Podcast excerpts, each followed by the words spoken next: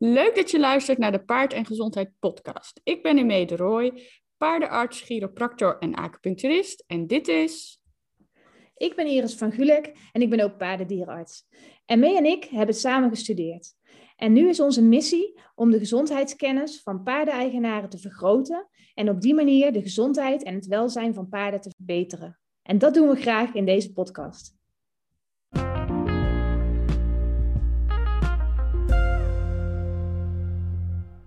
Ik blijf het toch een beetje gek vinden om een podcast in mijn eentje op te nemen, moet ik eerlijk bekennen. Dan zit ik met mijn telefoon op het aanknopje te drukken en dan denk ik, hmm, hoe gaan we dit aanpakken? Ik vind het toch leuker om een grapje te maken met ME in het begin namelijk. Uh, maar die is er vandaag niet bij, want uh, heeft deze week vakantie en ik heb volgende week vakantie. Ik kijk er echt naar uit om met dit weer, het is nu uh, eind april, het regent al bijna de hele week. Het is meestal maar een graad of tien. Maar ik kijk ernaar uit om komende week naar de camping te gaan. De voorspellingen worden gelukkig wel wat beter. Maar uh, ja, ik uh, had toch liever een warme vakantie geboekt, denk ik, achteraf. Maar ik dacht, ah, kan best naar de camping in de meivakantie. Dus uh, we gaan het beleven, hoe het wordt. En anders zitten we in Nederland, dus zijn we dicht bij huis. Dus zijn we zo weer, weer terug als het niet wil. Maar ik ga het vandaag over een iets minder leuk onderwerp hebben. Uh, dan mijn vakantie. Ik ga het namelijk hebben over het verwijderen van een oog bij een paard. Want ik merk toch, ik zie in mijn uh, dagelijkse bezigheden echt veel paarden met oogproblemen. En ik merk dat eigenaren er vaak heel erg tegenaan hikken en dat het heel lang duurt voordat ze het besluit nemen dat het oogje eruit mag. En ik denk dat het, voor het paardenwelzijn niet goed is. Want op het moment dat een oog eruit moet. En die beslissing die nemen we natuurlijk niet over uh, één nacht ijs. Dan moet er echt wel veel aan de hand zijn. Uh, is de reden dat het oogje eruit moet ook vaak dat het paard daar last van heeft. En ook al denkt een eigenaar dat het paard er helemaal niet zo heel veel last van heeft. Um, ze hebben bij zo'n oog dat eruit moet, vaak toch wel last. Het oogje wordt kleiner bijvoorbeeld, waardoor er meer vliegen in gaan zitten en het oogje ook altijd een beetje traant. Um, als ze maanblindheid hebben, hebben ze eigenlijk laag, laaggradig altijd wel pijn. Steeds opnieuw een aanval die je misschien helemaal niet ziet. En um, die paarden worden echt zoveel blijer als zo'n oog eruit gaat. Nadat ik uh, van de week daar een paar keer een post over heb gedaan op Insta Instagram, kreeg ik ook van veel mensen een uh, berichtje van ja, ik heb het ook nog laten doen toen mijn paard 25 was. En hij is zo opgeknapt daarna, want hij, uh, hij draafde bijvoorbeeld nooit meer en nu staat hij weer te spelen in de wei. Um, ik mag zijn hoofd weer aan die kant aanraken, want ik dacht dat het normaal was dat ik zijn hoofd niet aan mocht raken op die, die plek. Want ja, hij had toch ook zijn oogje.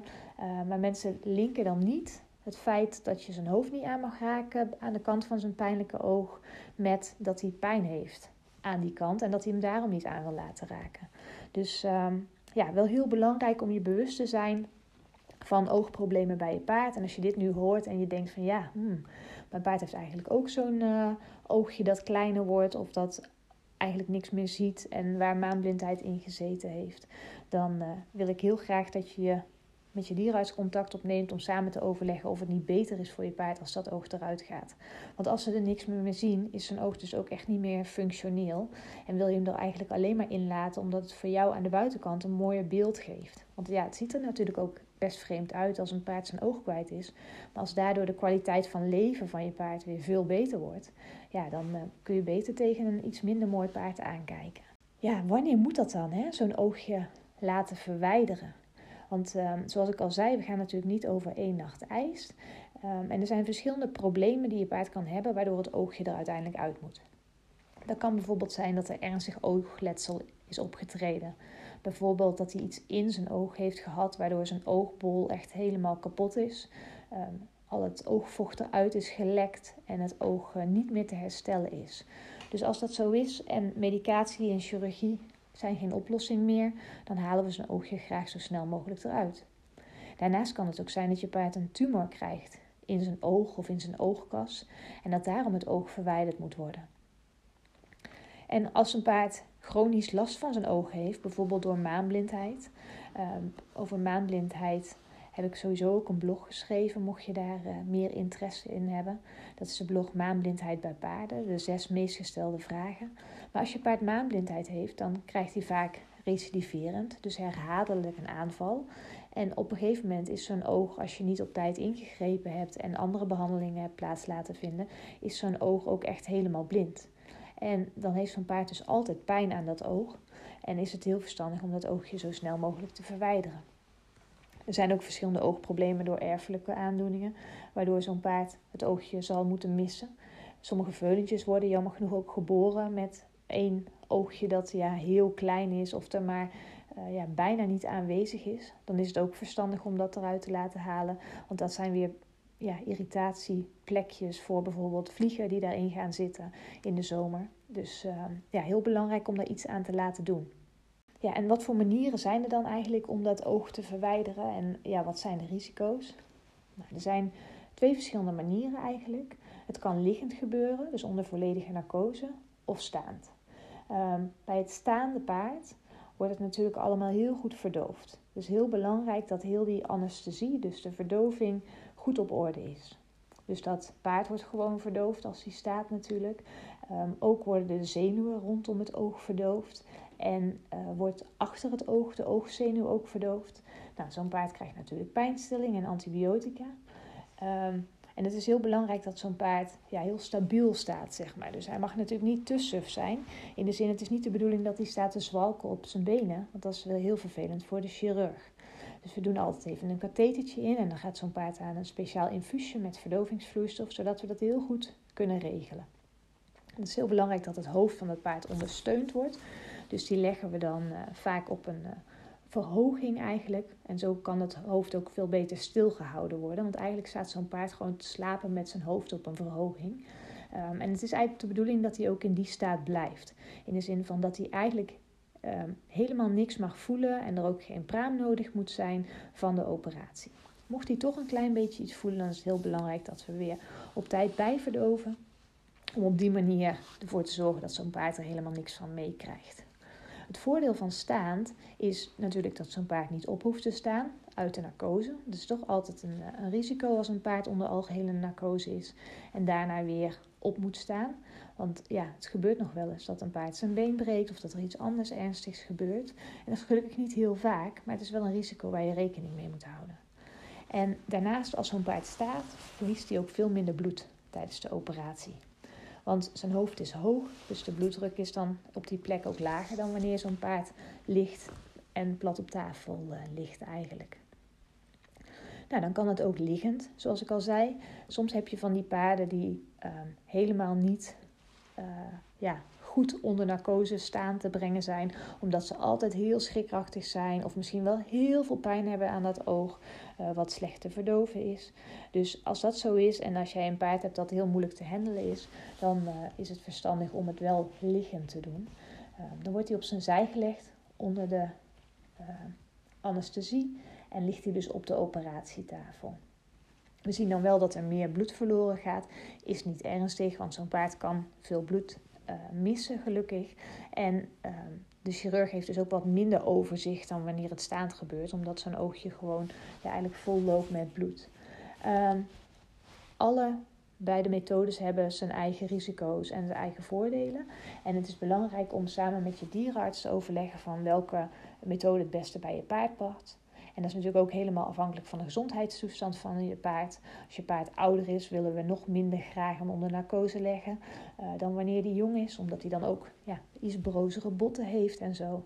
Dus uh, ja, heel belangrijk om die afweging te maken. Als ik je kan helpen met die afweging maken, mag je me altijd een uh, berichtje sturen. Want dan kunnen we ook bijvoorbeeld een telefonisch consult inplannen. En kan ik je daarmee helpen. En vroeger was mijn advies altijd om het liggend te doen, omdat ik uh, ja, ervaringen had met paarden die op andere klinieken staand waren geopereerd en uh, waar het dan niet goed gegaan, gedaan was, in de zin van dat de pijnstilling niet optimaal was geweest, waardoor de pramen op oren gezet moesten worden en op die manier een paard gefixeerd moest worden. Uh, ja, toen was ik echt tegen de staande methode. Tegenwoordig heb ik gezien hoe het staand kan en eh, dat het met de juiste verdoving en uh, pijnstilling echt heel fijn is voor het paard. In de zin van, hij merkt er gewoon helemaal niks van, staat gewoon goed te slapen. Dus tegenwoordig zeg ik van, je kunt veel beter het staand laten doen, want dan heb je die narcoserisico niet. Ehm, het is niet zo dat staand veel goedkoper is dan liggend, want staand duurt het gewoon allemaal wat langer, omdat we willen dat zo'n paard echt helemaal in de optimale uh, sedatietoestand is. En dat duurt gewoon wat langer, omdat je dan heel rustig aan wil doen. Je wil ze op tijd bijspuiten. Uh, dus ja, het duurt eigenlijk langer dan liggend, maar het is dus minder narcoserisico. Nou, en als zo'n oogje dan verwijderd is, dan uh, wordt die wond natuurlijk weer gehecht. En die wordt onderhuids gehecht, dus de hechtingen die hoef je ook niet uh, te laten verwijderen. Um, en het is heel belangrijk dat zo'n paardje dan in ieder geval een week en vaak ook wel wat langer pijnstilling krijgt, elke dag. Antibiotica is niet nodig als de operatie gewoon goed gegaan is. Die heeft hij eenmalig tijdens de operatie uh, gehad en daarna is dat niet meer nodig. Nou, als eigenaar is het heel belangrijk dat je je paard goed in de gaten houdt. Dat hij geen koorts krijgt en dat je de wond ook dagelijks controleert of er geen infectie optreedt. Uh, maar het fijne is dus dat er geen hechtingen uitgehaald moeten worden. En je zult eerst zien dat je paard na de operatie een soort ja, bolling heeft op de plek waar het oog ooit gezeten heeft en waar die verwijderd is. Dat komt natuurlijk door de zwelling. In de loop van de tijd, van de weken en de maanden, zul je zien dat het een holling gaat worden. Dus dat er echt een kuiltje optreedt op die plaats. Nou is er de mogelijkheid om een uh, implantaat te laten implanteren. Dat is dus een soort uh, ja, een nep-oogbol eigenlijk, zodat het altijd een bolling blijft en niet een holling wordt. Uh, mijn advies is om dat niet te laten doen, want het punt is dat je brengt dan een vreemd lichaam, zo noemen we dat, in het lichaam van je paard. En je hebt meer kans op infectie en je hebt ook meer kans dat je paard daar last van gaat houden, omdat dat dan toch achter op de oogzenuw blijft irriteren eigenlijk. Dus dat hij daar toch uh, irritatie en ongemak van blijft houden of van krijgt. En het is echt, ja, het is niet voor je paard dat je zo'n implantaat erin zet. Het is alleen voor jezelf. Dus als je er dan naar kijkt, ziet het er misschien wat mooier uit.